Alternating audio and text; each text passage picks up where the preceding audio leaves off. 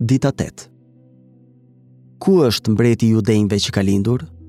Sepse pamë yllin e tij në lindje dhe erdhëm ta adhurojmë.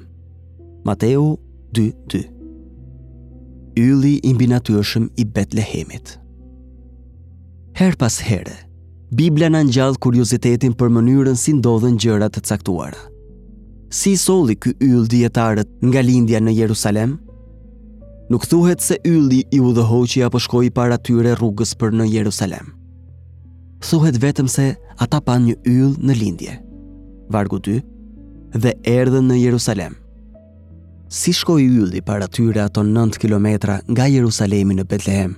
Siç thotë Mateu, 2.9, si qëndroi përmbi vendin ku ndodhej fëmija? Përgjigja është, nuk e dimë. Ka pasur shumë përpjekje për ta shpjeguar përmes mbivendosjes së planetëve, kometave, shpërthimeve yjore apo dritave të mrekullueshme. Ne thjesht nuk e dimë.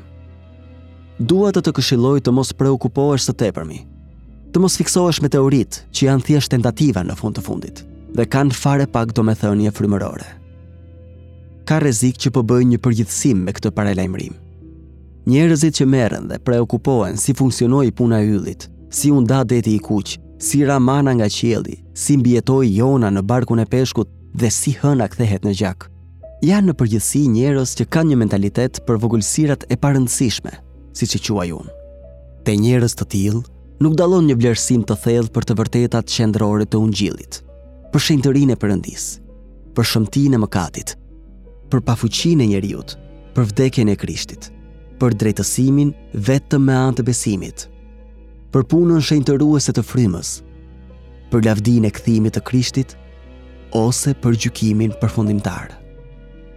Gjithashtu, duket se ata të udhëheqin nëpër një shtek tjetër anësor me një artikull apo libër të ri, me të cilin janë të ngazëlluar, por që trajton diçka të parëndësishme. Te këta njerëz ka pak ngazëllim për gjërat e mëdha dhe qendrore. Gjithsesi, është e qartë se ylli po bën diçka të cilën nuk mund ta bënte vetë. Po i drejtonte dijetarët te biri i Perëndisë në mënyrë që ata ta adhuronin.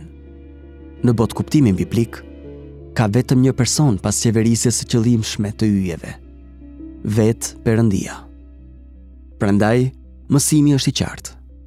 Perëndia po udhëzon të huaj te Krishti, që ata ta adhurojnë atë. Për këtë, Perëndia ushtron ndikim dhe fuqi globale, ndoshta dhe universale. Luka tregon se Perëndia ndikoi gjithë perandorinë romake që numërimi të ndodhte në kohën e caktuar për të bërë që një virgjëreshë e thjeshtë nga Betlehemi të plotësojë profecinë me lindjen e fëmijës së saj. Mateu tregon se si Perëndia ndikon te yjet e qiellit për t'i çuar dijetarët e huaj në Betlehem, në mënyrë që ta adhurojnë birin. Ky është projektimi i Perëndisë. Ai e bëri atëherë dhe po vazhdon ta bëjë dhe tani.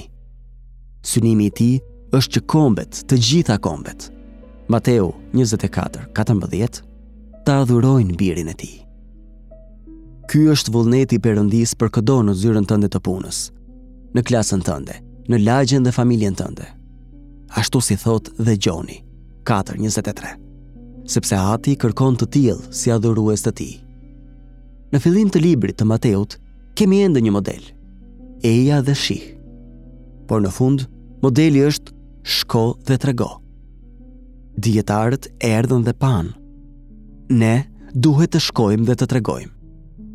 Gjithsesi, çfarë nuk ndryshon është qëllimi dhe fuqia e Perëndisë për t'i mbledhur kombet që të adhurojnë birin e tij.